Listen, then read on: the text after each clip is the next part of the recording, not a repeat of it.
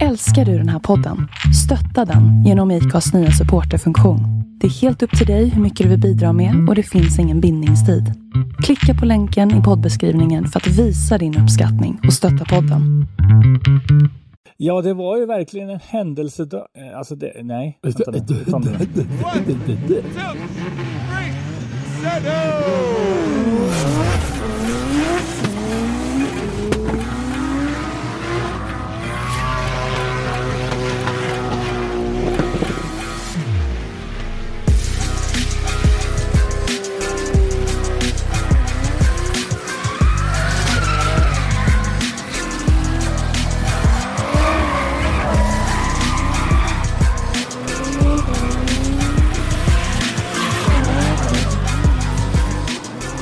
Alltså det är verkligen händelserikt när vi börjar spela in en podd.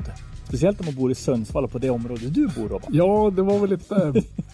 jag bor ju i ett område av stan som i vanliga fall är så pass att man, när vi flyttade hit för några år sedan, då fick man nästan gå runt och ringa på hos grannarna och se om de fortfarande levde. Typ sånt mycket liv var det här. Och just nu då så stod jag i mitt kök och gjorde lite mat och så känns det ungefär som att hela huset, ungefär som det var en jordbävning eller någon hade typ rammat hela huset med en grävmaskin. Men då visade det sig att då har insatsstyrkan fått vis, nys på någonting så de tänkte de skulle ta med sig hela dörröppningen i granntrappuppgången här. Så när de släpade ut diverse sludder ur vårt hus. Just nu känner jag mig tryggare än vad jag någonsin har gjort i hela mitt liv. Ja, du ser. Välkomna till ett nytt avsnitt. Med mig, Henrik Andersson. Christer Hägglund. Och Robban Strandberg. Och hörde någonting från eh, min sida så var det i så fall den där haveristen jag var och hämtade i Söderhamn i helgen. För nu är den på rull och jag har varit ute på provkörning. Eh, Leo har skruvat som en iller i ett par dagar här med bränslesystemet på den där. Det är ju en 740 med svetsad eh, eller agadiff som vi brukar säga och lite sådär så att det kan nog bli någon, eh, någon bredhäng med den där och nu, Så nu är du- den igång som sagt. Så du vågar skicka ut han nu när insatsstyrkan är på andra sidan Västernorrland? Ja exakt. Jag skrek åt han prova nu för nu är de upptagen hos Ja, precis. Vad var det då? Var det pumpen? Ja, han höll på och gjorde nog mer grejer också för han fick inte upp något bränsletryck även fast han hade bytt pump. Så att det var lite, det är ju bra. Barnen ska ju ha någonting att göra. Det är klart de Ja, ska ja. det. Helgen var i alla fall väldigt händelserik. Vi hade ju både? DMEC ja, Vad, har, har, du, har du gått? Du har byggt epatakter och säger det. Du har sett att alkolås på Henkes, Henkes mick snart. Där var det händelserik. Ja, det måste bli det. Nej. Eh, först i helgen då. Ja, epan har jag hållit på med ett längre tag. Det är bara att jag stötte på patrull och det har jag löst det nu. Mm. Men helgen hade ju då SM. Årets enda SM. Som Yes. vi alla tre var på. Men även DMX. Jag tänkte vi kunde ju liksom hatta lite grann sinsemellan och snacka lite. Mm. Om våra tankar och funderingar. Och DMEC och SM, det enda de två tävlingarna hade gemensamt var att det var blött stundtals. S- Ja. Sen, sen slutade de. Ja, fast på lite olika nivå. Ja, jo, vi hade ju inte så jävla blött faktiskt. Nej, Nej, det regn som kom under kvalet var ju inte att leka med. Nej. Alltså, under det med kvalet. Ja, det med men kvalet, ja. det, Nej, det var, det var verkligen inte att leka med och det är ju fruktansvärt synd när det blir sådär därför att det, det är ju helt omöjligt att få till nå, någorlunda rättvisa Men förhållanden för förarna då och eh, det började ju med att de fick ju en, en omgång på torrt allihopa. Sen var det ju några som hann köra på torrt i andra. Och sen bröt man ju på grund av regnet och sen körde man ju några förare och sen Mm. bröt man igen och då återupptog man väl kvalet dagen efter va? Nej, gjorde man det? Eller- Kör, nej, eller man var det senare? De bröt och så körde de hela kvalet. Så några fick ju köra runt i dyngblötan. Där. De, Ja, det var senare. önskvärt hade ju varit om de hade brutit så att de här som de få som var kvar som inte hade fått kvala i torrt hade fått fortsatt kvalet dagen efter. Ja. Så att det hade blivit, då hade det blivit någorlunda rättvist. Men nu är det, men väder kan man inte göra någonting åt. Men får du kvala i regn den här gången kanske det är tvärtom nästa vända. det, det är synd att de liksom inte kan göra en sån grej. Mm. Bara säga, nej, nu stoppar vi kvalet. Imorgon bitti så kör vi en liten träningsrunda och sen får ni kolla. Ja. Jag måste säga det, när man, när man såg på fortsätt, när ni var ute på banan, jag höll på att rodda för poddandet och då hade vi ju Motor Nord på besök så jag riggade upp så vi kunde se på DMX medan vi roddade. Så jag har ju suttit i tält och tittat på DMX mer än jag tittar på SM-tävlingen i helgen. Men eh, något jag varit sjukt imponerad över, vad heter han? Heter han Itai Sade? Heter han väl? Var någon ung kille ifrån Israel tror jag han kom ifrån.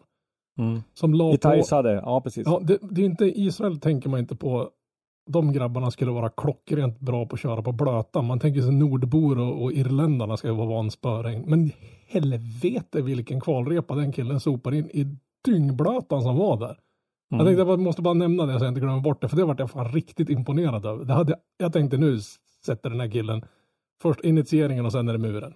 Men Mm. glömde, jag tror han, jag tror han skrapade ihop en 80-poängare i det där hällregnet som var. Ja.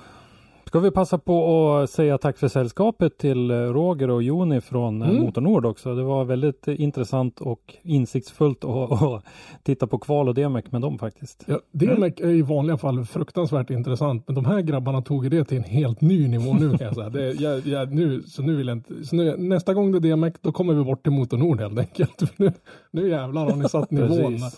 Nej men eh, för er som inte känner dem så jobbar ju Roger väldigt mycket med eh, med mappning av motorer och är ju Link ECU expert bland annat. Har ju hjälpt både bröderna Shanahan och, och eh, Uppe i Fällfors. var uppe i Fällfors, ja. var Dwayne McKeever vet jag han var till och, och sådär. Så att eh, de är duktiga och eh, Joni har ju sin, eh, det är ju pappan Mm. Roger och Ronny sönerna. De, eh, han har väl sin kar- gamla karriär bakom sig i rallyskogen. Oh ja.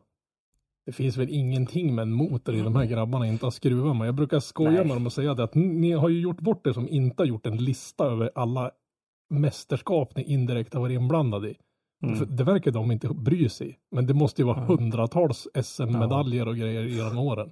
Ja, absolut. Det är bara Men vad, äh, om- vad heter mannen? Link är också Ja, eh, Link är också ett väldigt populärt märke. Oh, Framförallt när du kommer utåt i Europa sådär. Mm. Men mannen som kör isracing med en PV. Han som har flest SM-guld inom Han heter motorsporten. Pelle Johansson. Ja, sånt där. ja, de har ju skruvat motor åt han och likadant svingen också Mm. i alla år. Och det är två stycken isracing-människor som bara rackar upp medaljer.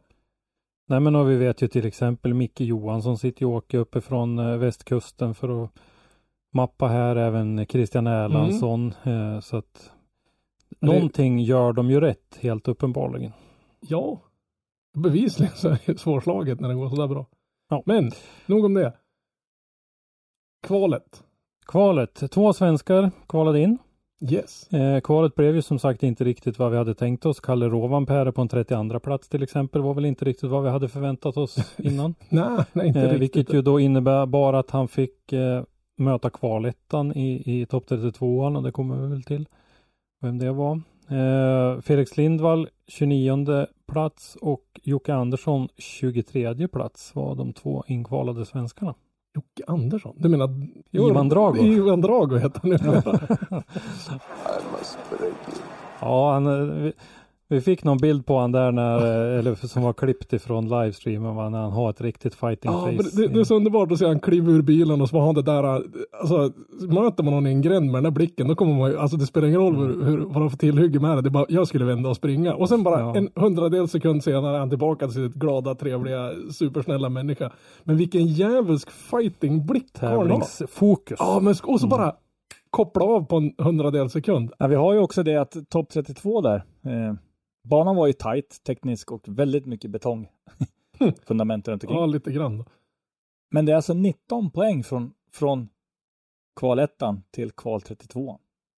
Mm. Det är inte speciellt mycket. eller? Men det, det har ju varit tajt hela året egentligen. Så jag menar, du måste ju ha ganska, topp 32, då har du fått rejält med poäng. Ja, men du kan ju bara se som sagt 78 poäng då för 32 platsen. 79, 79, 79, 79, 79, 80, 80, 81. Så, så på tre poäng så är det liksom uppe på en 24 plats. Ja. Ja. Bara. Men Det är också är det liksom- att sist som kvalade in är han som är bäst på att köra rally i hela världen som har vunnit Ja. D1-tävlingar. Så det, fast å andra sidan, han hade väl lite oflyt där, men likt förbannat, det är ju samma regler för han. Ja, ja, så är det. Nej, men eh, jag tänkte också på, apropå svenskar då, så svenskbekantingen och gamle svenske mästaren Pavel Korpelinski var ju med här. Mm. Kvalade in på en tolfte plats med 87 poäng.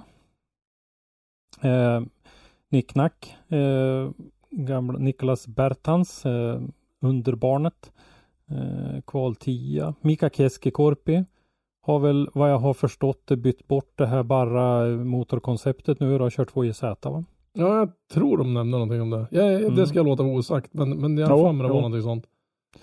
Eh, Mika körde ju eh, eh, Fredrik Westrings Mm. lilla BMW uppe i Fällfors och gjorde det med den äran faktiskt. Men man, man såg att han, det, som sagt var, det var lite kortare än vad han var van att köra. Mm. Han missade, han låg ju jättebra linje om bilen hade varit en och en halv meter längre hade det varit klockrent. Då hade det varit en hundrapoängare. Nu missade han zoner och grejer. Joar Rintanen, eh, kval 8 som ju vann i Fällfors. Mm. Jack Shanahan, kval 6 Kevin Pesur, Jarko Gyle, Var inte han Eh, ett wildcard va? wildcard på kval 4. Det är Mycket bra gjort, sjukt 93 bra kört. Eh, Lauri Heinonen fortsätter göra fina resultat. Kval 3 eh, Piotr Wiesek kval 2 och Conor Shanahan kval 1 Mm. Ja, det var riktigt, vi, vi satt ju som sagt var kollade på kvalet en sväng. Det var ju liksom ett väldigt intensivt, väldigt bra kval tills regnet kom och förstörde allting. mm. Men det föll, föll sig ganska bra för att märkte ni det att när kvalet började på DMX, då dog ju, alltså det var ju mitt under träningen. Ja. Mm. Å Men andra då sidan. slutade alla träna. alltså. Ja, Det var ja liksom- men det var, jag har aldrig varit så, aldrig varit på mitt Sverigebanan och varit så där tyst någon gång. Det enda man Då hade de hörde. ju åtta timmars träning Ja. så att eh, de hade ju tid att ta sig den eh, pausen naturligtvis. Jag tycker eh, då- Timo Peltola tycker jag är lite värd att nämna också. Kval 19, jag tycker han kör väldigt bra. Men Mm, verkligen. Verkligen. Han har fått faktiskt. bra spinn på den. För det, Och han har ju krånglat länge med den. Ja, men det verkar ju så det håller en tävling i stöten nu åtminstone. Ja. Ja. Ska vi kliva över på topp 32 då så tyckte jag att eh, Conor Shanahan, Kalle Rovanperä var ju, var ju också en battle att börja med. Ja. ja men det, det var var, intressant. ja, men när, när man Ja. kollar på topp 32-listan, det var ju liksom ingen sån här som man, ja men det där är klar. De lyckas ju, om någon, jag vet inte om det är slumpen som gjorde det, för det var ju ganska spännande battles hela tiden utav de som fick mötas. Det var inte någon som var extremt mycket bättre än sin, i vanliga fall brukar det vara så att, ja, ettan får möta den som är sist. Men i, sist i det här fallet är inte direkt en dåligt meriterad förare. Jag tror att banan var ganska, ganska bra för den jämna ut. Mm. Du kunde ju liksom inte flåsa iväg i 500. Ja, du hade såna ingen grejer. nytta av, av Piotr-hastighet egentligen på den. Nej, så jag tror det gjorde mycket till att fighterna blev mycket tajtare. Men i alla fall, de fighter vi såg, nu, nu hann vi inte se så många. Vi var ju trots allt på eh, en annan tävling. Jag Jo, tycker nog att vi är ursäktade den här gången Ja, när vi var på en ja, SM-tävling Ja, men precis. faktiskt. Ja, vi försökte Men- ju pinpointa in de här, uh, vi släppte ju allt vi höll på med, vi höll på att rigga där när det var våra svenska killars tur och, och några av favoriterna så att säga. De, då satt man ju klistrad. Sen hade vi ju eh, Jarko Gyle, Felix Lindvall, Mm. som också blev en intressant fight. Ur många hänseenden var det väl. Det var väl en, en ganska, vad ska man säga, intensiv strid där, men sen så var det mycket bil som ramlade bort och sådana saker. Det, det var väl, Mm. Ja, det blev en Mercedes Compact som de sa. ja, Lion.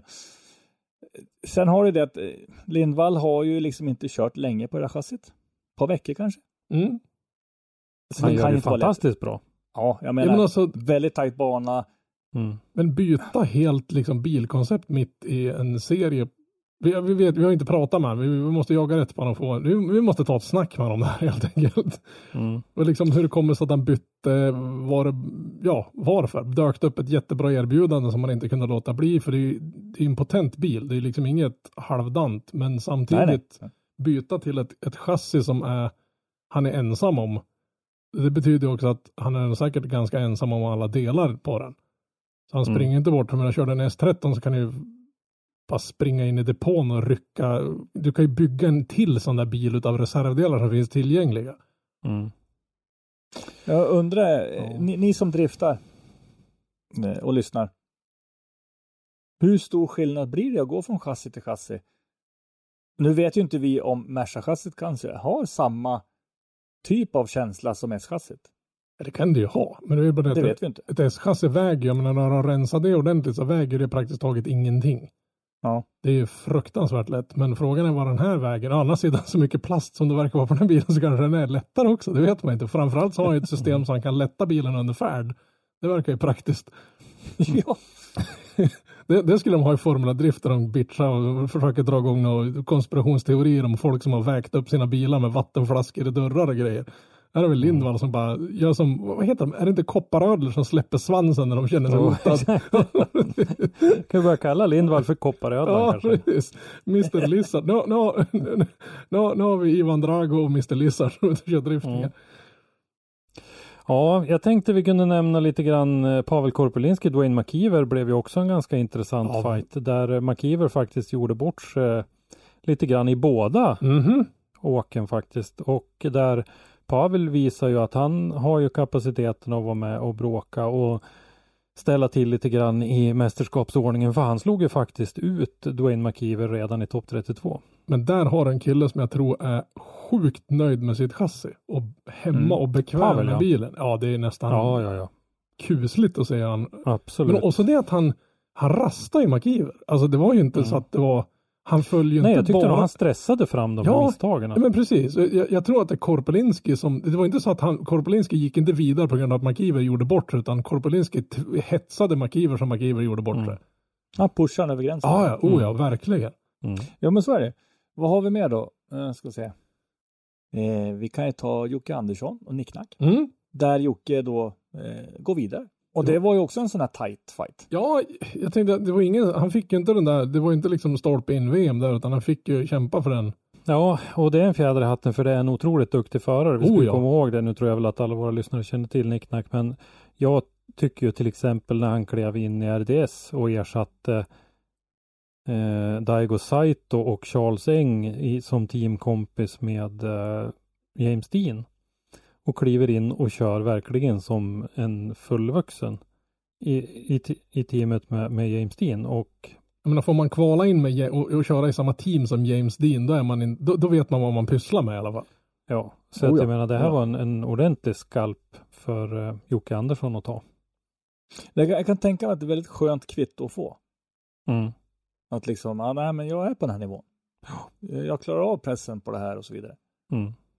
För det lär ju kännas när man sitter där på startlinjen och veta vem man har bredvid sig. Ja, Nicknack var säkert ganska chockad. Ja, Nej, men, alltså, men, men i det här laget, Jocke Andersson är väl fan ingen duvunge? Nej, nej, nej. Jag tycker nej, nej, liksom- nej, han är ju duktig som Jag, jag, tror, jag tror nog, jag menar så Nicknack rutinerad, kört mycket, så kommer Jocke Andersson och så bara, den här killen har jag inte riktigt stenkoll på och så bara laddar han på så han får ju jag, jag tror att våra svenska killar vad ska man säga, de, de överraskar nog positivt på rätt många. För jag menar, de kanske tänker, ah, vad är det här för några nya killar i serien? Och så kör de skiten ur dem bokstavligt talat. Mm. Det är jävligt kul att se. Ja, absolut. Nu var ju det här den sämsta tävlingen om vi ser till hur många svenskar Mm. som kvalade in hittills då av de här tre som har gått. Men eh, Men kvalet är nog en ganska stor del och vädret och grejer. Och det var ju en ganska svårkörd bana. Det är ju ingen som har kört den här banan. Det var väl några finnar som har varit där och övat säkert när de la banan och sådär. mm. Det, det är klart, det är ungefär som i Fällfors var det ett gäng svenskar över och, och tränade innan. Så att säga. Men det var ju inte en speciellt lätt bana så sett. Det är mycket betong som är avskräckande. ja, Och banan var, är ju liksom en gokartbana. Mm. Ja, de, hade den väl, också. de hade väl moddat på den lite grann för att du skulle kunna köra den här tävlingen. Men det var inte några jättestora modifieringar egentligen. eller? Nej. Och sen de här betongblocken de satte upp runt banan. Det är ju sådana här som ser ut som legobitar. De väger ett ton styck minst. mm. Vi såg ju på Erlandsson på kvalet. Han flyttade ju på en sån där. Så det vart ju rejält skrot av hans bil.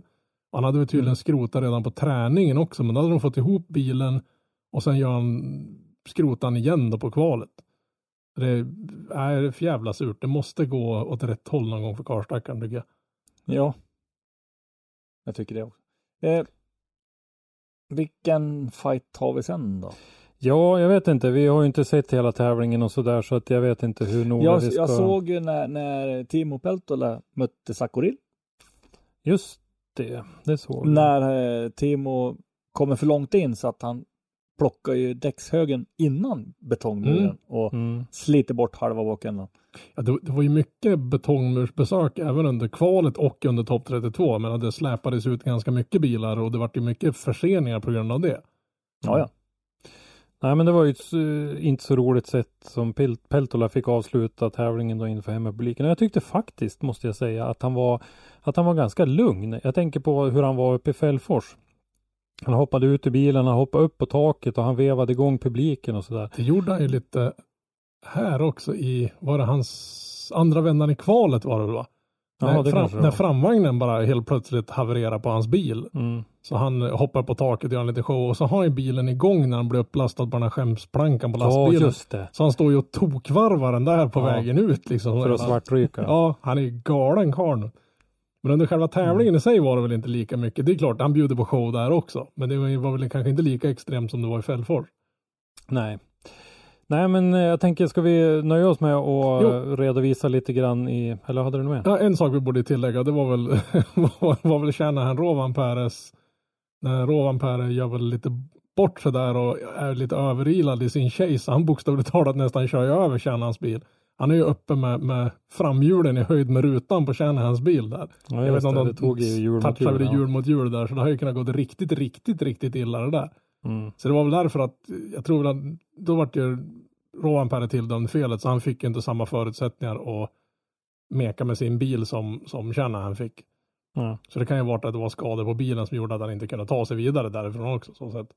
Mm. Ja, Men det är för det- Shanahan, fick ju sån här competition timeout. Ja, men det var ju det. Vi, vi kunde ju inte sitta och se på allt. Vi hade ju annat för oss också. Det här var ju under Mm. regnavbrottet som vi såg lite kval och sen vart det ju regnavbrott där och då beslutade vi oss för att nu ska vi spela in en podd och under tiden vi gjorde det så hade de ju oförskämdheten att fortsätta med det där kvalet. För vi trodde ju i vår enfald att när det regnar så där kopiöst mycket så kommer de att ställa in kvalet och fortsätta imorgon. Mm. Men icke. Joakim Andersson åkte ut i topp 16 sen, eh, tror mot Kevin Piscolti va? Och eh, det tycker jag väl ändå man får säga en, en, en klart godkänd eh, insats. Om vi tittar på Jockes resultat hittills i år då så har han ju åkt ut i 32an en gång och i topp 16 två gånger. Det är ju Mhm. fantastiskt. Han kvalar in alla tre tävlingar. Det är ju Mm. Mm. Men det har med, Fantastiskt bra. har nog med mördarblicken att göra, att de, de vågar fan inte. De, det, det är de gånger de inte sneglar in på Jocke i, och möter hans blick, det är då någon lyckas vinna honom. Det är bara då. Mm. Ja, nej, så det tycker jag ju är som sagt ett, ett klart godkänt resultat och, och eh, Kevin Piscolti eh, gick väl eh, ganska långt i tävlingen vill jag minnas eh, så att eh, jag tror att han får känna sig nöjd med det.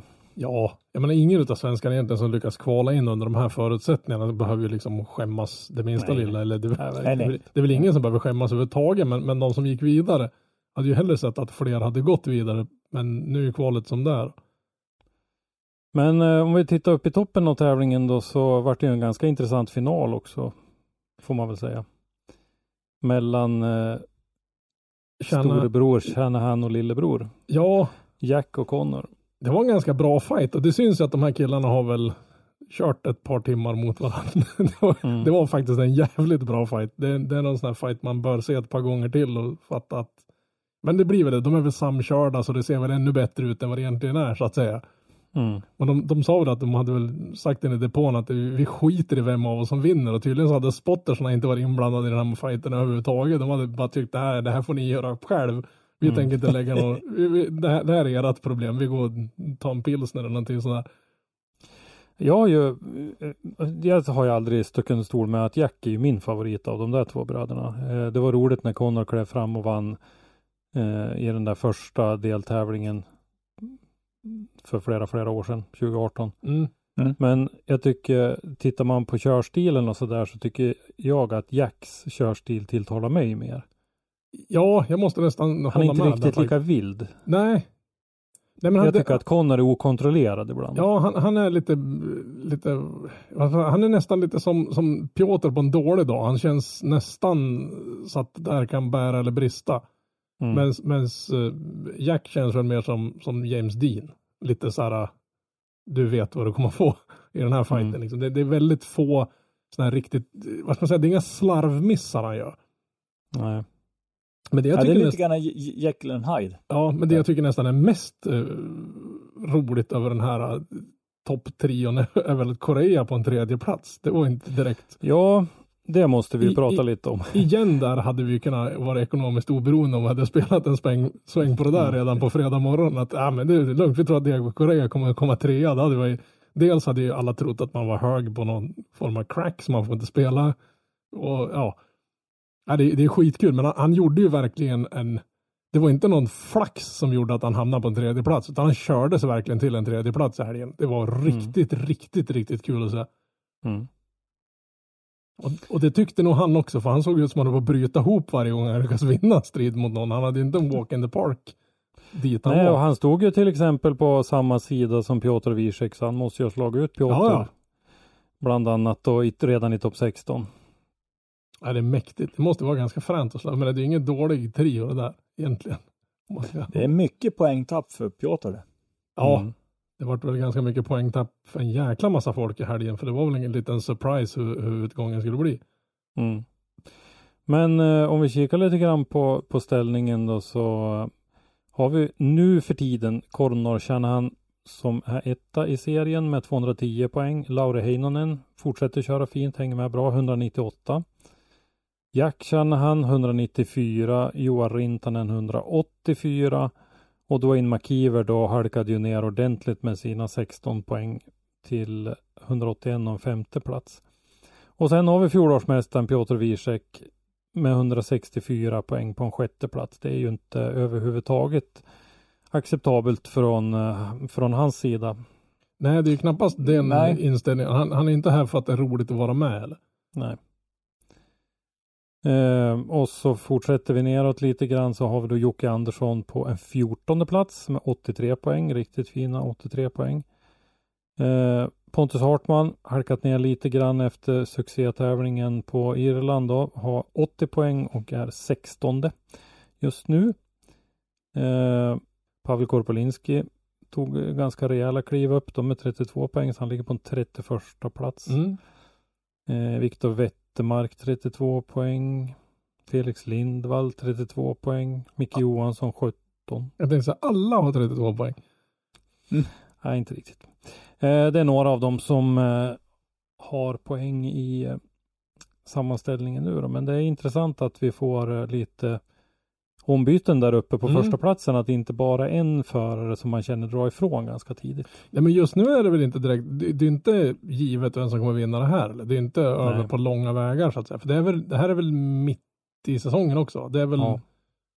eller det här var väl den mitt, mittentävlingen så att säga. Nej, det är tre kvar nu. Är det tre jag, kvar? Vi har kört tre och det är tre kvar. Ah, Okej, Och det innebär ju att eh, alltså Piotr måste ju, det måste ju rucka till rätt hårt för att han ska hänga med. ja han Ja, måste ju som Han behöver sen, vinna i Riga. ja. Ja. Och sen måste ju känna han grabbarna och Heinonen, det måste ju gå skit, ha lite, skit ja, för han dem. behöver ha lite flyt också. Men till att börja med så måste han vinna i Riga själv. För att ta saken i egna Ja. händer. Och det kommer ju våra grabbar att se till att det händer ju inte. Nej. Punkt, punkt slut. nej, nej, men så är det ju. Men nu Ja. har de här grabbarna blivit varma i kläderna. Akta er bara. Nej men eh, skämt åsido, vi har Jocke Andersson och har kört Ja, ja. riktigt fint på den där banan förut. Både i den här eh, Det där var inte ett dugg skämt från min sida. Nej men både i eh, DMX förra året och sen i den här vad hette den? Baltic Drift hette den va? Som han var med i körde Mm. finalen i för två år sedan. Men jag tror att den banan kommer att passa. Om det är den banan vi, har sett små, små, små säga, skisser på. Jag, jag tror, jag är helt övertygad om att den kommer bli riktigt, kvala svenskarna in kommer det där bli riktigt farligt. Ja, intressant. Oh, ja. Väldigt intressant. Det ska bli eh, väldigt kul att följa resten. För att, Det är klart man måste Ja. följa resten, vad fan. ja, men alltså, man backar tillbaks ett, två år, ja men då visste man att det var ju två, tre killar, killar där Ja. uppe toppen. Jo, det, det har ju blivit jämnare. Det, det är ju större, det är mer fight. Det är inte, det är mera Indycar och mindre Formel 1 av det hela om man säger så. Det är Precis. liksom, det är roligare att titta på. Eh, vi kan eh, som hastigast också kika in på Nations Cup där Irland leder 482 poäng, Finland 2 382. Polen 328 och Sverige nu på en fjärde plats med 179. Där har vi halkat ner lite. Då. Usch. Ja, ja, men, Men vi är ändå. med fortfarande. Ja, vi är med.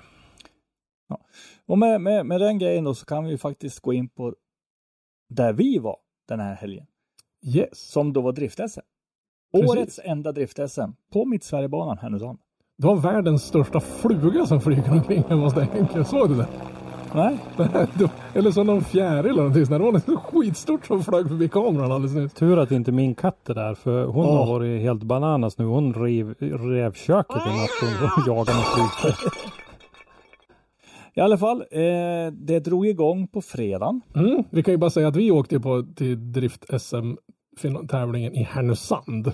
Jag vet inte Ja, var, var, de andra har varit någonstans, men de var på någon Nej. drift-SM-tävling i Sundsvall. Det, det Ja, vi har ju fått en del dryga meddelanden och så därför att vi delar en länk där Svenska Bilsportförbundet hade sagt Ja, att drift-SM var på Mittsverigebanan i Sundsvall. Jag bor i Timrå, god vänner där ute i landet. Jag vet fan i mig vart gränsen mellan Härnösand och någon annan kommun går någonstans. Det ska ni bara veta. vad var det vi konstaterade? Det är 34 kilometer från Sundsvall till Mittsverigebanan och det är 4 kilometer till Härnösand. Det är Härnösands Ja. centrum. Ja. Så det är inte Och så att, dessutom när de säger att eh, banan ligger i Sundsvall så känner ju vi som bor i Timrå kommun oss lite förbisedda också. Ja. För det är ju en hel kommun emellan faktiskt. ja verkligen. Ja. Ja. Då Så fick vi det sagt att vi Ja. vet. Men Ja. Svenska Bilsportförbundet vet tydligen Nej, inte. vi får skicka en karta till dem i julklapp kanske. Mm.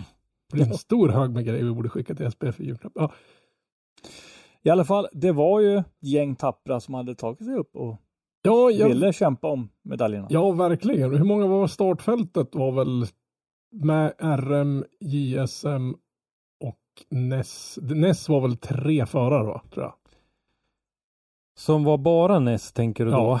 då? Eh, ja, det var eh, tre stycken eh, norska förare, stämmer bra. Totalt i eh, SM och eh, NES-tävlingen då, som de kördes ju ihop de här, det, det känner ni ju redan till, så var det 20 förare som var anmälda. Mm. Och eh, innan det var klart då, så det händer ju alltid lite grejer i de här Är det, sammanhangen. är det Så de, var de, det de, där 16 20, stycken de där 20, var det de som var föranmälda eller de som faktiskt skulle köra? För det dök ju upp lite folk så här hux flux kvällen Ja, innan. nej, men det var de som blev inskrivna Ja, i ja, okej. anmälningslistan Yes, yes. kvällen innan. Då, så att Yes. säga. Men bland annat Fred- Fredrik Westring eh, rasade ju sin motor.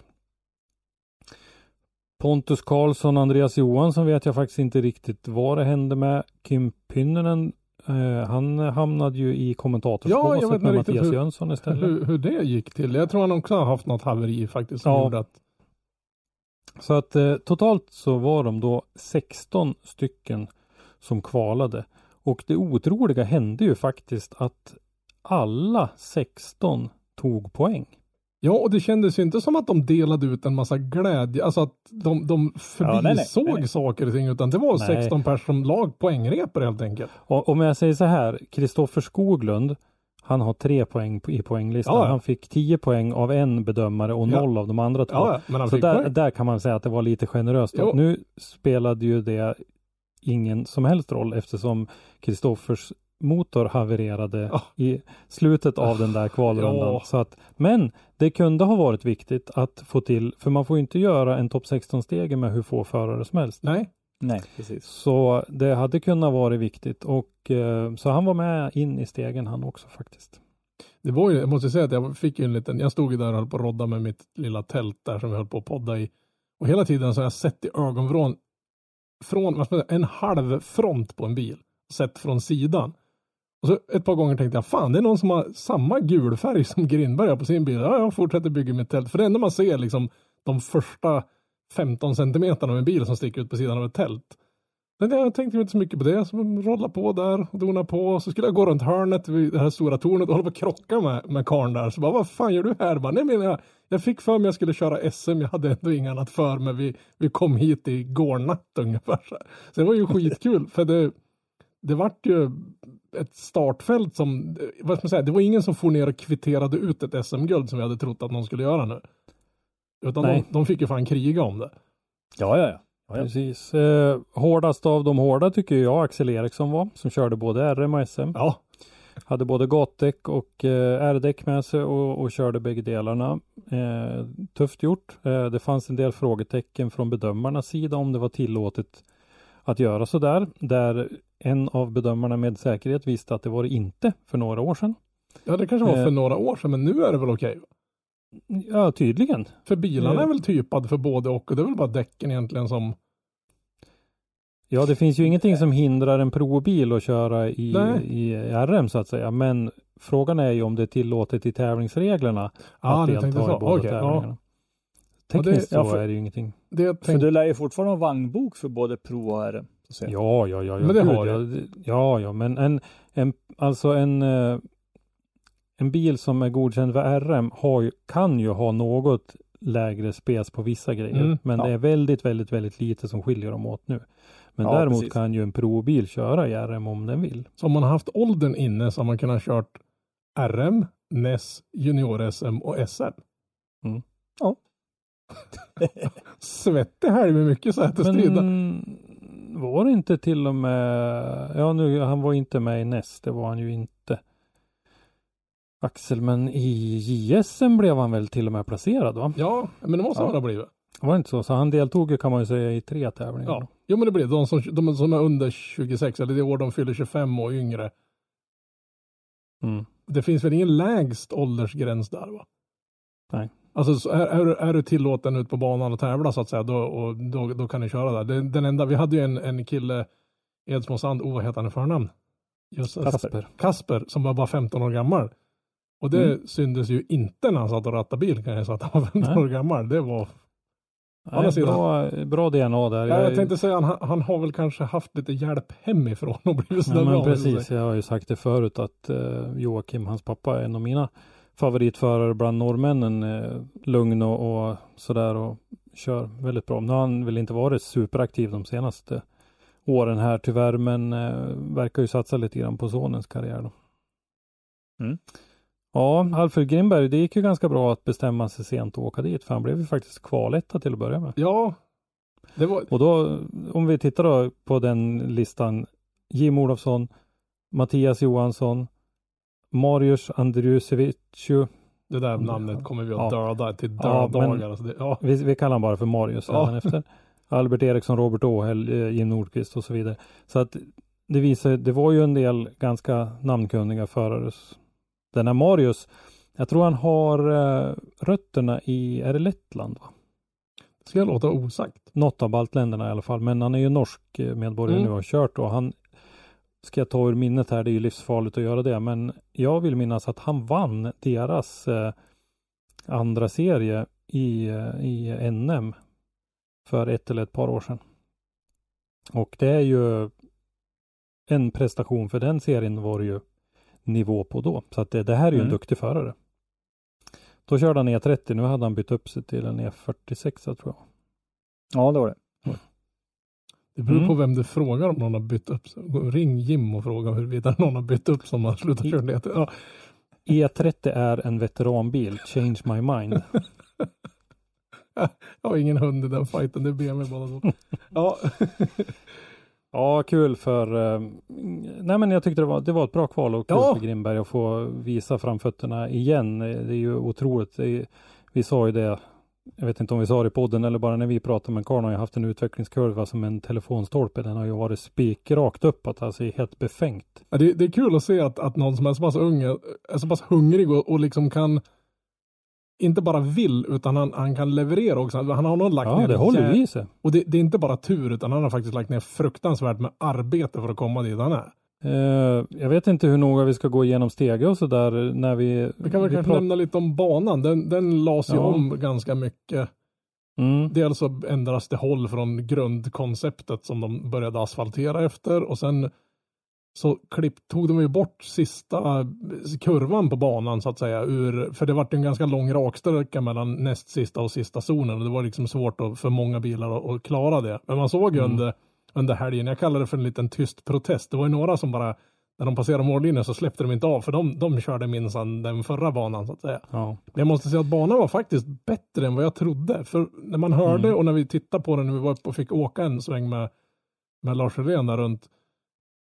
Då, då kändes det som, ah, men, ja ja, det får väl bli vad det blir. Men jag tror att det var, lades nog mycket tanke i och banan såg ut att vara rättvis så att säga. Så menar, du, du hade liksom ingen nytta av en miljon hästkrafter och en supersnabb bil och lika lite som du hade någon fördel av att ha en klen bil. Utan de lyckas lägga en bana som ser ut att passa hela gänget tycker jag. Ja. Och det, det, var, det var faktiskt kul att titta på. Jag, jag var Mm. lite imponerad. Jag trodde inte den där banan skulle kunna vara så pass bra som den var. Vi kan väl nämna det. Huvudbedömare var Mattias Jönsson och han hade hjälp av Jonas Melle Melander och Kim Fors. Mm. Eh, Mattias var ju den som eh, till mångt och mycket jobbade med eh, banläggningen och sådär. Han har ju hållit på mycket sånt, med sånt förut. Eh, inte supermycket de senaste åren här. Eh, men som sagt så fick han till en bana som blev bättre än vad vi Ja. var rädd att den skulle bli. Jag, jag kollade lite med föraren om banan också och jag hörde ingen som inte hade någonting positivt att säga om den. Nej. Sen då, återigen så måste vi få framföra lite grann som förarna tyckte om anläggningen också, att de tycker att det är en jättebra anläggning och att det är ett, ett bra ställe att köra drifting på.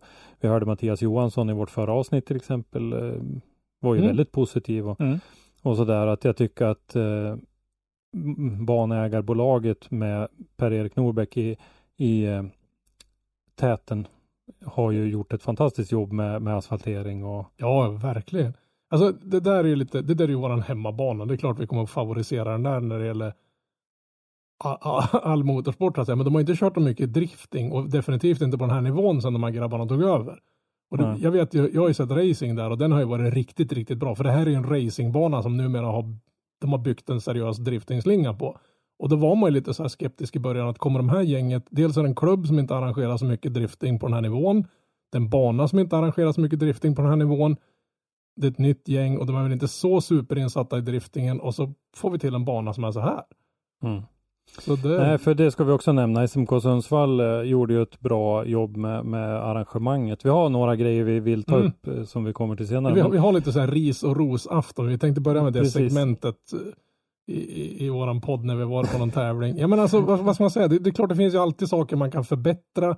Och det, vi vill ju liksom inte, vad ska man säga, såga någon med fotknölarna. Men vi har ju hängt med Nej, men det finns saker att förbättra. Ja, ja, ja, oh ja, det är Och, ingen diskussion om eh, den saken. Nej, men SMK Sundsvall gjorde ett, ett bra jobb med arrangemanget i stort. Jag vet att de hade svårt att få tag i funktionärer. Mhm. Eh, och det är ju lite synd när eh, det ska komma och bli en, en sån här tävling att man inte får tag i, i folk här i, i närområdet för det finns ju intresserade människor, det vet vi ju. Eh, vi att, blev väldigt väl emottagna och Ja, men- eh, fick eh, full service vad Ja, gällde ja. Plats för våra tält, eh, för eh, vi fick mat och dryck och, och Oh, sådär ja. så att eh, det var id, absolut ingenting att klaga på på den biten. idoga glada tillrop från hela gänget hela helgen måste jag säga. Absolut. Eh, Jenny Lindström i spetsen där då Ja. som ordförande i SMK Sundsvall har gjort ett, ett hästjobb verkligen. Jag hoppas att Mittsverigebanan är ett alternativ när det kommer igång med, med serie och allting. Ja, vi hörde Ja, lite, de lite smårykten där om att till nästa år så ska de eventuellt lägga en SM-deltävling där också. Ja, Igen. slutet på maj var det väl prat om så Ja. att det var mer eller mindre bokat redan nu. För jag Mm. menar, om, om det här var deras första försök, om vi kallar det för det, eller första tävling, det är ju inte ett försök för de hade ju faktiskt en tävling, det här var deras första tävling. Och den vart så pass, med, med de förutsättningarna och den, vad man säga, rutin de här gänget har så vart den ju fruktansvärt mycket bättre än vad jag hade förväntat mig. Det var ärligt talat, vi hade nästan tänkt åka upp och vi hade förberett oss på en, nästintill en katastrof. För, med tanke på hur det liksom allt har varit runt uppbyggnaden inför och liksom vi visste hur lite personal de lyckas jaga rätt på. Mm. Och liksom det, det är jättesvårt, det är ett jättearrangemang att rodda runt det här och liksom det är ingenting man klarar på tio pers och lite god vilja utan det krävs ju ett jäkla engagemang från alla inblandade. Och Nej, men lyckas- eh, bara en sån sak som att det var ju driftingutskottet som stod bakom det här ja, och skulle försöka rodda det här och det var ju bara en av dem som var där. ja, ja. Jag vet inte vad de Eh. andra pysslade med den här helgen men det känns ju som att de... Ja, en hade- körde Street Week, det vet vi i alla fall. Okej, och det kändes driftingutskott. Det går- Ja, det går jag vet inte hur hans eh, prioriteringar har gått till där. Det Nej, tänker jag inte lägga mig i. Men, men det, faktum är ju att det var så det var. Ja. Så att eh, det, det var ju naturligtvis Den eh, sorterar vi in under ris kan jag ju säga. mm, bra jobbat eh, på det viset. Sen tycker jag, eh, vi, vi, vi ska väl inte lyfta fram oss själva, men vi hade ju ett litet finger med i spelet där vi från Motorsportmagasinets sida eh, tillhandahöll datasystemet som man körde tävlingen i. Ja, du såg väl inte så mycket av kvalet rent på plats om man så säger. Nej, faktiskt eh, eh, så, men eh, det tyckte jag det var värt. Men vi försöker ju att hjälpa till med det vi kan för att det ska bli av en tävling och att någon ska sätta sig och försöka göra ett sånt här system för att hantera det här. Eh, för bara den här tävlingen tyckte ju vi kändes lite onödigt. Och så då, Ja, om vi har ett liggande och dammande som vi ja, inte då direkt skulle upplät ju vi använda. det, det systemet vi har utvecklat under några år då. och det funkade ju faktiskt riktigt bra. Mm. Så att eh, det, var, det var roligt på det viset också att vi fick vara med och dra vårat lilla strå till stacken och inte alltid bara berätta om vad som har hänt utan Ja, men, dessutom eh, hjälpa till lite grann. men hela målet med det här, är, det vi pysslar med är att försöka få det här. Vi, vi vill ju åka på de bästa tävlingarna vi har varit på. Och kan vi då bidra på något sätt att förhöja, alltså det lilla vi kan bidra med, kan det hjälpa till på något sätt så klart som fan vi kommer att göra det. Mm. Men vi har ju till och med stått och sanera, hjälpt till att sanera banan på Sundsvall Raceway för de hade lite klent med folk som man får Mm. rycka in. Men liksom, Men vi kan väl säga det också, är det någon som är intresserad av det här systemet och vill använda det för att eh, köra någon driftingtävling, då kan man höra av sig till oss. Och det kommer att finnas önskemål om någon form av ekonomisk ersättning eh, för det i så fall. Men det finns att tillhandahålla om Det eh, finns om möjligheter. yes. det finns möjligheter till det. Absolut. Eh, Sen är det det, jag skulle bara säga det. Vi alla som är inom motorsportmagasinet, vi vill ju alla också hjälpa till att föra driftingen framåt. Men det, ska, vi, ska vi säga så här också att vi skär inget guld med någon täljkniv på det här. Det här, kostar, det här kostar oss en massa pengar, men vi vill fortfarande hjälpa eh, podden och det här är ju naturligtvis mest för driftingen, men vi vill ju hjälpa motorsporten i stort framåt och försöka dra som sagt vårat lilla strå till stacken. För Jag menar, som sagt, jag, jag ger inte upp förrän den dagen jag är trött på att se på motorsport på sportnyheterna. Jag önskar att jag, jag, jag vill sitta där och tänka, fan om man kunde visa fotboll för en gångs skull. Det kommer jag aldrig Mm. mm. ändra, men, men av flera orsaker. Men ja, är det, för lite, Mm. det är för lite motorsport ute i media. Det är det. Dit ska vi så småningom. Ja. Eh, Den här tävlingen tänkte- då, vart, vart börjar vi?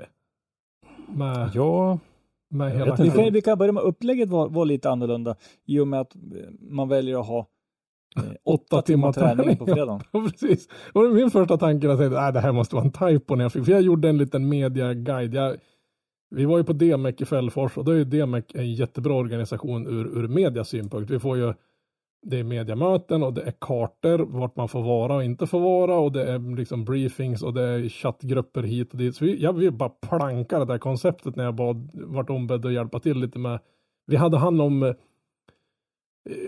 vad ska man säga, SMK Sundsvall hade inte all tid och personal att stå och rodda med massa mediamöten och dela ut västar och få folk att skriva på sådana här mm, NDA tänkte jag säga, men, men med sådana här lappar med, med närmast anhöriga grejer. Så vi tog på oss den pucken och göra det. Jag tycker att det funkade relativt bra. Det var väl lite drop-in som inte kunde komma på de utsatta tiderna och sådär. Men, men då plankade jag hela det där konceptet. Då fick ju jag snillblixten att göra en karta på vart man får vara och inte vara. Och så skulle vi göra ett schema så att mediafolket vet och så lite så här förhållningsregler på slutet. Men när jag såg det här äh, tidsgrejen tänkte jag, jag var tvungen att fråga Jenny, vad det här vart väl lite fel i träningen. Jag kan inte, vem fan har råd att träna i åtta timmar? Så det är liksom en hel säsongs däckförbrukning. Vad brukar en träning vara i vanliga fall? Är det typ två? Kanske två? Fyra totalt under en helg eller någonting sådär?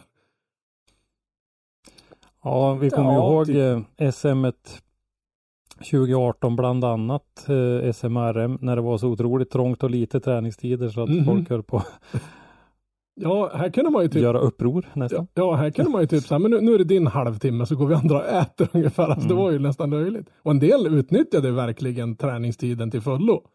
Och det var ju många som sa det att de hade testat, nu fick de ju möjligheten att testa lite setups och sådana här saker som de inte annars kanske hinner.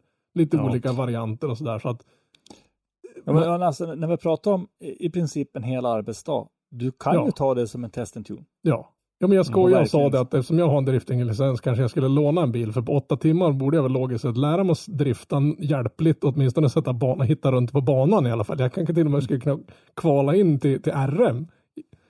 Men tack och lov så provar jag aldrig den grejen. Nej, bilen du tänkte låna stod ju i Söderhamn, eller hur? Ja, ja men precis. Nej men det, det var ju lite, det, förutsättningarna fanns ju. Det var väl att alla, ingen, vad kan man säga, här behövde du inte ha sett och Corsa för att lära dig sätta banan om, man så säger, om, vi, Ja. om vi ska dela ut den vingen. Eh, sen var det ju ingen träning då in, innan kvalet på lördag morgonen. Ja, vi kan ju säga det att tävlingen Mm. var ju, alla tävlingsmoment så att säga var ju på lördagen. Inget Ja. kval på fredagen, vilket jag hörde det var både positivt och negativt om det från tävlarnas, eller från förarnas sida. Det var ju några Mm. som hade gärna velat haft kvalet eftersom man blivit varm och fått setupen och det, det kan ju vara annat väderförhållanden, andra temperaturer och sådana ja, saker. och det där har ju med nerverna att göra också. Ja, ja, och när du har suttit nött då i typ, låt säga att vi Mm. hade kanske haft sex timmar träning och två timmar kval. Mm. Då hade det funkat jättebra om nu skulle man behöva två timmar för att kvala in en topp Mm. 16. Så, ja. så det var ju både och. Många tyckte Ja. det var ja, både bra och negativt så att säga. Mm. Mm. Man fick ju dock ett sightlap. Ja, det fick man ju. Och det var ju, För det kom ju en regnskur där på eh, lördag morgonen va? ja, och sen var det väl lite oklart. Eller var det lite fuktigt bara? Ja, det var, det var bara fuktigt för regnet Ja. kom väl lite efter grundkvalet var det väl egentligen. Det var väl ingen Mm. som kvalade i det utan det var Nej. när twin-träningen skulle dra igång. Då Mm. kom Mm, det var regn. då det kom ja. ja. Mm. Men det var ju en del som, vi fick ju några blipp, för folk har vi, har, vi hade ingenting med liven att göra, vi tänker inte ta åt oss Nej. någon creds för den överhuvudtaget. Men det var ju många som undrade, men varför får de köra tre kvalrundor för? Men då Mm. hade väl inte info riktigt gått ut att det var ett site-vända från början där då. Så det var många som trodde att, men de kör ju tre kvalpoäng, eller tre kvalloopar. Men så var det inte, de körde ju bara två. Ja, sen var det lite otydligt också i liven. Eh, för där hade ju det gått ut information innan då att man skulle poängsätta enligt det här modernare sättet med en linjedomare, en vinkeldomare och en stildomare. Okej. Men de här tre valde att istället sätta 1 till 100 var och en och så delar man det med tre Ja, okej. på slutet. Så att det vart lite otydligheter i poängbedömningen där också och eh, det här livestreambolaget var ju helt nya vad det gäller drifting. Ja, de har ju livesänt både rallycross och mycket folkrace och sådana saker har jag sett. Ja, och det där hann inte vi kommunicera så att när jag slog in poängen då i det här systemet så kom det ju tre Ah. stycken poäng som var kanske typ 84, 83, 81. Ah, okej. Ja, och för en van drifting-tittare som tittade på det här på tvn, då såg det ju ut som att han hade fått tre stycken resultat på tre kvalår. Ah, okej, det var det Medan egentligen så delade vi det här med tre och så fick det bli Ah, okej. eh, den tävlingspoängen så att säga. Men, men där, det, det kom till så sent så att det hann vi inte kommunicera med livestreambolaget och eh, därför så såg det konstigt ut. Men jag måste säga det, jag, jag har kikat lite på livestreamen i efterhand nu när det har funnits några minuter över att, att göra det. Och jag måste säga, vi, vi har ju sett mycket racedrönarförare på tävlingar och vi har ju suttit och spytt lite galla över racedrönare hit och dit och det, man ser liksom vänster framflygel på leadbilen och så vet man ingenting om vad som hände. Men hatten av till gänget som flög drönare på den här tävlingen för det var inget sånt här show race drönarflygande utan det var liksom om du tänker dig spela dataspel och välja tredjehands eller sitta på husvagnstaket vyn. Det var Mm. skitbra kört av dem. Man kunde verkligen använda sig av drönarvyn för att följa båda bilarna i Twin och sådana saker. Det var, Mm. det är nog fan med den bästa drönarflygning på en driftingtävling jag någonsin sett. Mm. Så de, de ska ha en jätteeloge för det där. Det var fruktansvärt bra gjort. Har du tittat någonting Henke på, på liven? Nej, inte på liven. Eh, Nej. men, men jag hörde flera som, som kommenterade liksom att drönarna, Mm. Ja, bilderna därifrån. Men också hela Ja, pro- men du, produktionen sa ju du Robban var, var bra överlag. Jag, jag, jag tyckte den var riktigt bra. Så det var bra bildvinklar. Det var, man så, ärligt och vi såg ju vart kamerorna stod. Och man hade inte kunnat tänkt att... Ja, jag, jag var faktiskt lite imponerad över. Det här är första gången de här grabbarna gör en, en, en driftingproduktion. Mm. Och grafikmässigt sånt, jag menar det, det, är andra, det, det är mer grafik som ska till än vad det är på folkracetävling till exempel och sådana saker. Jag menar, nu har de ju blivit lite varma i kläderna så jag har väldigt höga förväntningar på nästa vända. Jag tyckte det här var riktigt bra producerat. Eh, sen tidsuppläggsbiten och liksom hur man, man drog ut på en livesändning i 11 timmar. Så slår man ut det på det hela så var det väldigt lite action per minut. Om vi Mm. säger så. Men det, det är inte live, det har ingenting med produktionsbolaget att göra. Det är inte de Nej. som bestämde det där. Nej men det är väl det, om vi kommer tillbaka till det Ja. då, ris och ros, att den, den stora risportionen den kommer ju för att man får inte hålla på med en tävling på det här sättet. Det här, det här är inte acceptabelt överhuvudtaget. En klubbmästerskap, fine, där kan du sätta en livekamera som står och går i 11 timmar och så får folk tuna in Ja men och även vi måste ju tänka på publiken som var på plats. Ja, Eh, det var ju någon gång bland annat när vi som ändå är med liksom i utkanten av det här inte fattade. Det var 45 minuter tror jag när det var helt tyst på banan.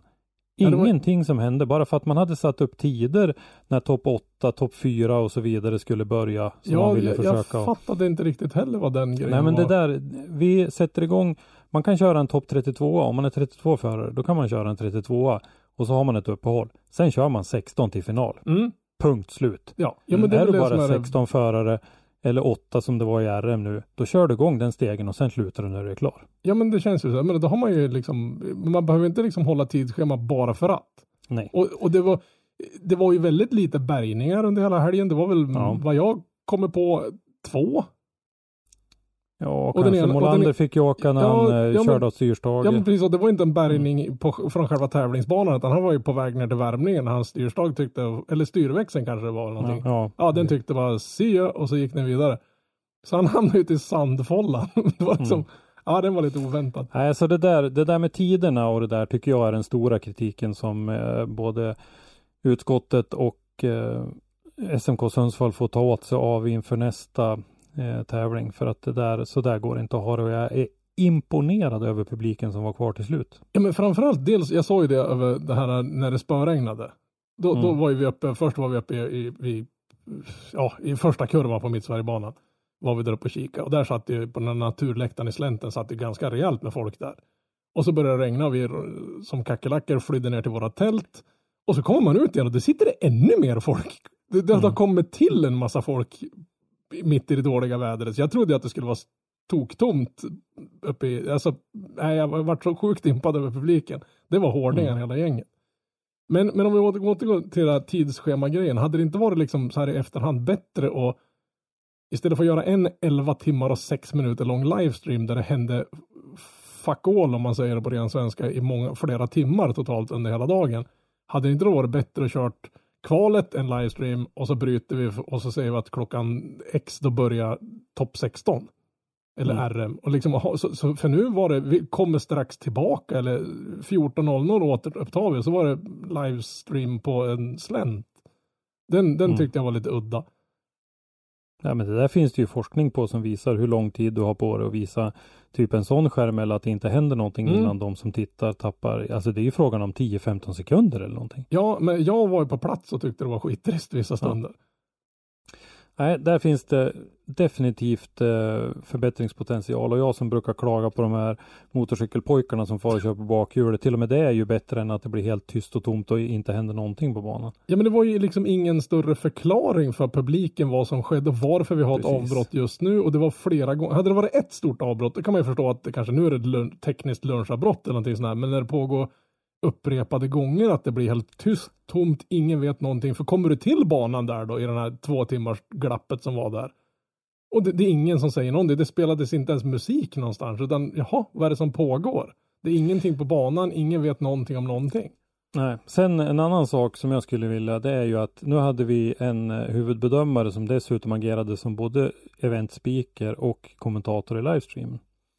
Eh, där tyckte jag Mattias klarade av på ett hyfsat sätt. Men om det får inte bli tyst så där länge som det var, för att det var en del överläggningar. Vi hade ju Mm. dubbla One More Times mellan eh, Mattias Johansson och Robert Åhäll till exempel. Vi hade en One More Time mellan eh, Mattias Johansson och Jim Olofsson som Mm. tog en hel stund att reda ut för Ja, honom. ja. Vilket är fullt förståeligt och det måste bli rätt. Det här är viktigt.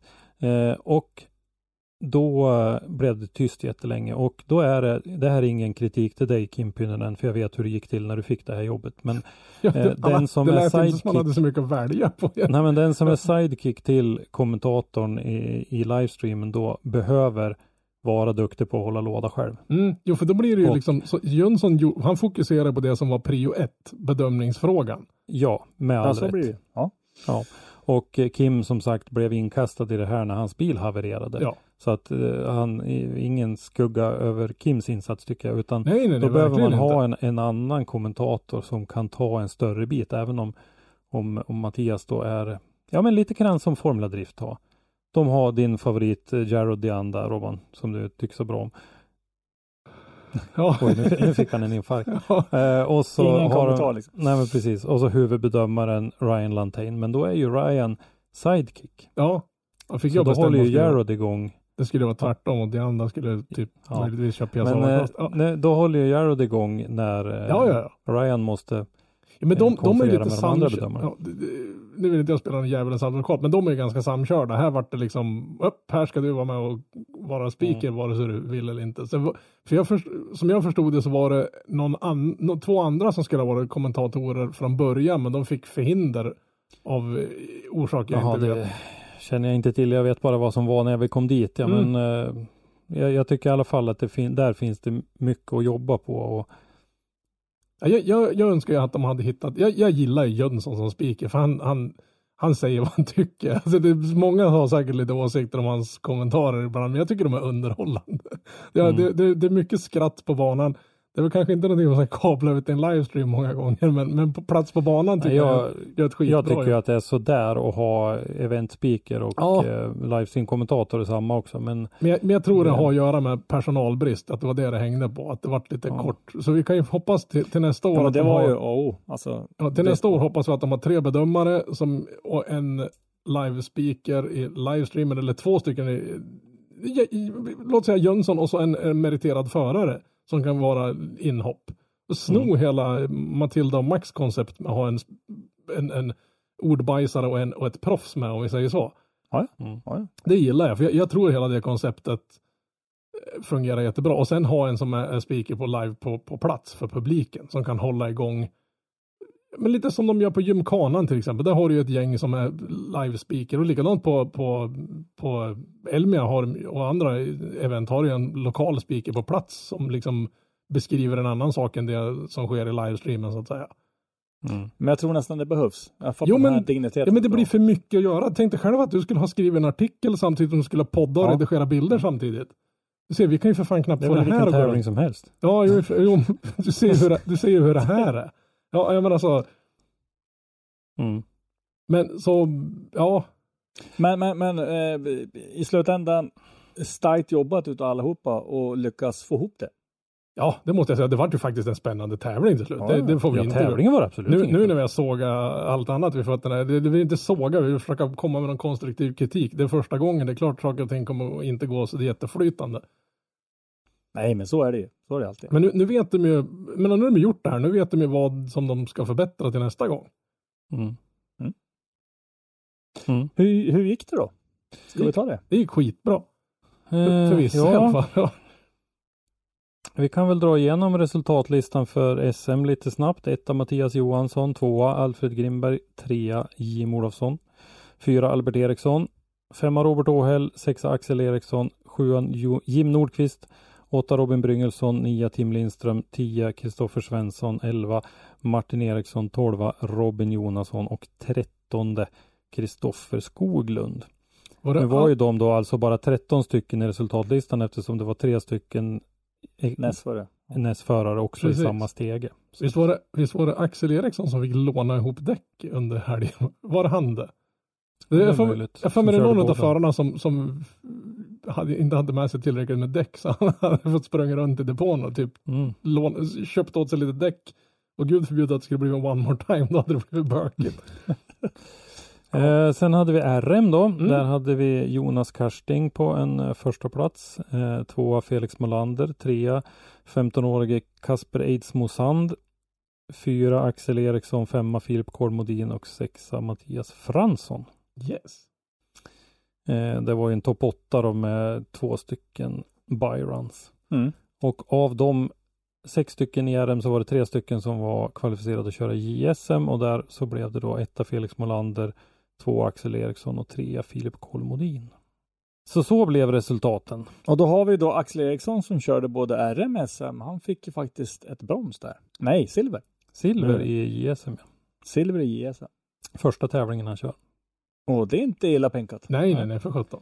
Men det är ju kul att se han. eh, Jag träffade ju Axel uppe i Fällfors. Då hängde han ju med Jim Olofssons gäng och var där och skruva och det, han suger nog åt sig av, av allt han kan eh, få reda på både i hur det funkar i depån och allt möjligt när han hänger med en så rutinerad förare som Jim. Men det är ganska Mm. schysst att liksom kunna få den möjligheten när man är relativt ny och hänga med någon gam-uv. För vi får Mm. nästan sortera in Olofsson i det facket. Ja, Nej, men och sen hela teamet. Jag vet eh, Joel Steimer som filmar åt Jim. Eh, han eh, hade tagit på sig lite papparoll åt Axel också. Mm, jo, jag såg. Ja. Skicka och äta mat och grejer. Det är mycket man ska komma ihåg. Det här har vi pratat om många gånger. Det här är en av våra käpphästar. Det här med att träna på att tävla. Att komma ihåg att äta, att passa tiderna till förarmöten och gud vet allt som är. Det är inte bara det här att gå ut och sladda på banan. Det är en, en ska man säga, en eh, Ja men det är ett liv runt omkring också som måste fungera om du ska få ihop det. Tävlingen pågår ju även i depån om vi säger så. Mm. Men de- vissa team kanske behöver ha en sån här, vad ska man säga, en tävlingskoordinator. De behöver en tävlingsledare med sig. Så att säga. Du, Nu gör du det och nu går du och fixar det så han kan göra det och så vidare. Mm. Ja, men som håller igång teamet ja. Ja. En teamchef lite grann. Ja, som, men eh, lite, lite så. Vi, pratar, vi har ju pratat lite grann om eh, eh, Micke Johanssons pappa Pelle till exempel som Mm. är teamchefen där som, som styr och ställer över alla de här grejerna. Och det, För jag menar, kollar man topp tre så alltså det var inga duvungar. Mattias Nej, nej, nej. Johansson, Alfred Grindberg, Jim Olofsson. mm. Det var tufft bland det de var tre. en eh, fruktansvärd hård topp fyra fight där mellan eh, Mattias och Jim som gick den one more time. Den var, den var stentuff. Jag måste säga en liten eloge till Albert Eriksson också som egentligen, det här är väl första tävlingen där han verkligen får, får känna på, det är väl första året han kör däck också plus att han har bytt från att köra kompressor till att köra en turbo med eller kupéfläkt som man kallar det för, för den laddar väl bara 05 eller är sånt där. Jag tror den är turbo mer är där för syns skull. Vad menar du? Menar du att, att han körde kompressor förut? Ja, på, eller på, han- när, han kör, när han backade av trailern Ja, på precis. Sen, tävlingen. kör, sen, han sen en, gick remmen av och så fick han utan. helgen. Så. Ja, nej, och det, den här motorn verkar funka mycket bättre. Den låter Mm. mycket trevligare och det, ja, det, det är klart, det blir ju ett nytt koncept för han också att köra och liksom, han måste ju bli lite van vid det också. Så Mm. jag tycker han, han ska väl vara ganska nöjd egentligen under förutsättningarna och med en fjärde plats i ett SM är fan inte fy skam. Nej, verkligen Nej, nej. Han kämpar på som satan i helgen. Det var lite kul att småsurra lite med han. Det jag vet inte, vi har väl lite en förkärlek för, för slaka gänget där, men jag vet inte, det, det, är, det är ordning och reda, liksom ett kul gäng. Så är det. Ja, var det det vi hade och Var det någon battle ni liksom hade? jag tycker vi har pratat om dem redan. Jag tycker Jim Olofsson, eller förlåt, eh, Mattias Å- Johansson, Robert Åhäll Mm. eh, var ju otroligt. Det var ju synd att Robert var tvungen att åka ur där då. För att de körde otroligt fint bägge två. Ja, det, det är det som är det jävliga Och den var sport. verkligen, verkligen tight. Och liksom Stentuff. jämn. Men det var, det var liksom bra körning och jag tror att eh, Mm. dels förarna var väl bekväma med banan tack vare all träningstid. Men sen tror jag igen, för att komma tillbaka till banan så tror jag den faktiskt hade en stor del att göra med att det var en, vart en bra lead-linje och då är det lätt att göra en, en bra chase. För det var väldigt mycket tight drifting. Men Ja, vi har ju varit fot, fotat en del driftingtävlingar där man fått stå med vidvinkel för att få med båda bilarna. Här kunde du stå med 600 meter zoom och fota båda Mm. Ja. två. Sen skulle jag vilja säga en sak och framföra till Jim Nordqvist som jag pratade med. Han höll nästan på att ge på mig en snyting när jag sa att han körde bra. Han, eh, "Nej, det var det sämsta jag kört. Ja, han, han var lite bitter. Ja, Ja. nej men eh, när jag höll på med mina och sprang mina löpartävlingar och så kunde man ju ta i för kung och fosterland och så säga men gud idag fanns det ingen kraft alls i den här gubbkroppen och så kollar man på klockan. Oj, jag satte visst personbästa. ja. Så att jag kanske var trött för att jag tog i väldigt hårt. Eh, jag tror att det var lite grann samma för Jim. Han hade ställt på alldeles för mycket grepp. Eh, gjorde någon miss initialt i eh, tidigt i banan och då stod jag så att jag inte såg det. Men när jag såg honom på slutet på banan, Ja, då såg det ju hur bra som helst ut. Och jag, det tror jag var för att han hade ställt på allt det där greppet och lyckades ta ut det ur bilen. Och därför så såg det bättre ut än vad det någonsin har gjort. den där sista kurvan, sista zonen såg ju helt makalös ut. Jag har Ja. en bildserie där som helt, tänk vad fan, fan har den där, gett jag tror Jim att du ska fortsätta på den inslagna Ja, vägen ja. men att du behöver vänja dig lite grann vid hur du initierar och, och hur bilen beter sig från början. Då kommer du att ta kliv framåt tror jag. Ja, det känns som Eh. att bilen är med i matchen nu. Nu är det bara Mm. gamfarbror att bli van bilen. Precis. Mm. Ja, så jag menade ärligt det jag sa. Jag sa det inte för att ställa mig in ifall du trodde det utan jag tyckte faktiskt att det såg väldigt bra ut. Ja, Sen, har- sen har vi som en sista grej den här kaxiga kommentaren som vi, vi alla tre gillade. Eh, Felix kommentar. Om varför han åkte upp dit. Ja, Ja, jag, har, jag ska ta JSM-guld. ja precis. Jag behöver JSM-guld. Det var därför, Ja. han, var därför han körde RM i fjol och så bara, jag behöver JSM-guld. Ja, ja, det, är- det- det är den inställningen Ja. man ska ha när man liksom åker iväg. Det- man tävlar man på den här nivån ska man ha den inställningen. Det här är inte någon jävla lek längre eller? Nej. Jag älskar att någon vågar komma ut och verkligen, för alla som åker den här tävlingen hoppas ju på att vinna. Man åker hit för att vinna, ingen ställer upp i ett SM för att komma sist. Men man åker ju inte dit, äh, det är en frikörning. menar det kostar en liksom- jävla massa pengar även om det Ja. bara är en tävling så är det inte gratis det här eller? Jag älskar folk som har den approachen, den attityden. Jag vill se mer, man det är för lite assholes i den här mot. Alla går omkring och är lite för lulletuttiga. I depån, ska man mer- vara, I depån ska man vara som man alltid har varit. Där, där ska driftingen vara. Som, Ja. det, det är den Familjen. bästa sporten i hela världen. Men Mm. på banan, man ska inte skämmas för att uttrycka sina ambitioner. Ibland uppnår man dem inte, men Nej. skäms inte och säga att jag är här för att vinna och så kommer det 14 plats. Ja, so what? Men ditt mål var att komma hit. Du, gör, du är klart med det. Du, du får dit för att vinna och sen ibland gör man inte det. Sånt händer. Men då har, man, då har man gjort sitt yttersta för Ja, att ja, ja. försöka nå dit. Men, men, men då kan man säga så här, alla förare. Mer Terminator, mindre soffpotatis. Titta på Jockes Liksom. blick. Det är så man ska se ut när man kliver ur bilen direkt efter fighten. När kommer någon att prata så blir det en smäll liksom. Eller som vi brukar säga, Erlandsson i Östersund. Ja, ja den Ja, är fortfarande. Det var lite samma. ja, ja, men lite så är det. Mm. Med den bomben, eh, mina gubbar, så tar vi väl och tackar för oss då. Ja, vad är, det, det. vad är det härnäst på, på, på agendan? Det är väl en FD-match tänkte jag säga, men en FD-tävling i, är det i helgen som kommer? Nu i Jo. helgen blir det. Vi har ju faktiskt inte berört någonting från Rudskogen alls, så det skulle vi kunna ta i nästa Mm. avsnitt. Eh, Det tävlas ju lite grann där också, så vi skulle kunna lägga någon minut på att prata om det i nästa avsnitt. Men Jag vet inte hur det ska gå med St. Louis Formula Drift och Goodwood samma helg. Brukar Ja, inte, Dean skulle vara i eh, St. Louis. ja, ja, fall. jag förutsätter att han är, är där. Mm. Men det brukar ju vara ett litet bortfälle ifrån. Det brukar dyka upp Ja. lite suspekta driftförare lite här och där. I år blir det ju förhoppningsvis ingen RTR Mustang på Goodwood. Ja, det ser man. Men eh, vi avslutar med att eh, bara påminna er, följ oss. Följ oss på våra sociala medier så får ni se alla roligheter som kommer ut och allting. Och med det, ha en trevlig sommar så hörs vi nästa gång. Hej då! Hej då! Tack för att du har lyssnat. Lyssna gärna på våra tidigare avsnitt och glöm inte att eh, ge oss betyg i din podcastapp. Har du ett ämne eller en gäst som du vill att vi tar med i Driftpodden så skicka oss ett meddelande på Driftpoddens eller Motorsportmagasinets sociala medier. Eller skicka ett mejl till oss på driftpodden gmail.com. I dagens avsnitt har du hört Henrik Andersson, Christer Eglund och Robban Strandberg. Ljudpåläggning och slutmix Robban Strandberg. Driftpodden produceras i samarbete med Motorsportmagasinet och Powerslide Media AB och produktionsåret var 2023.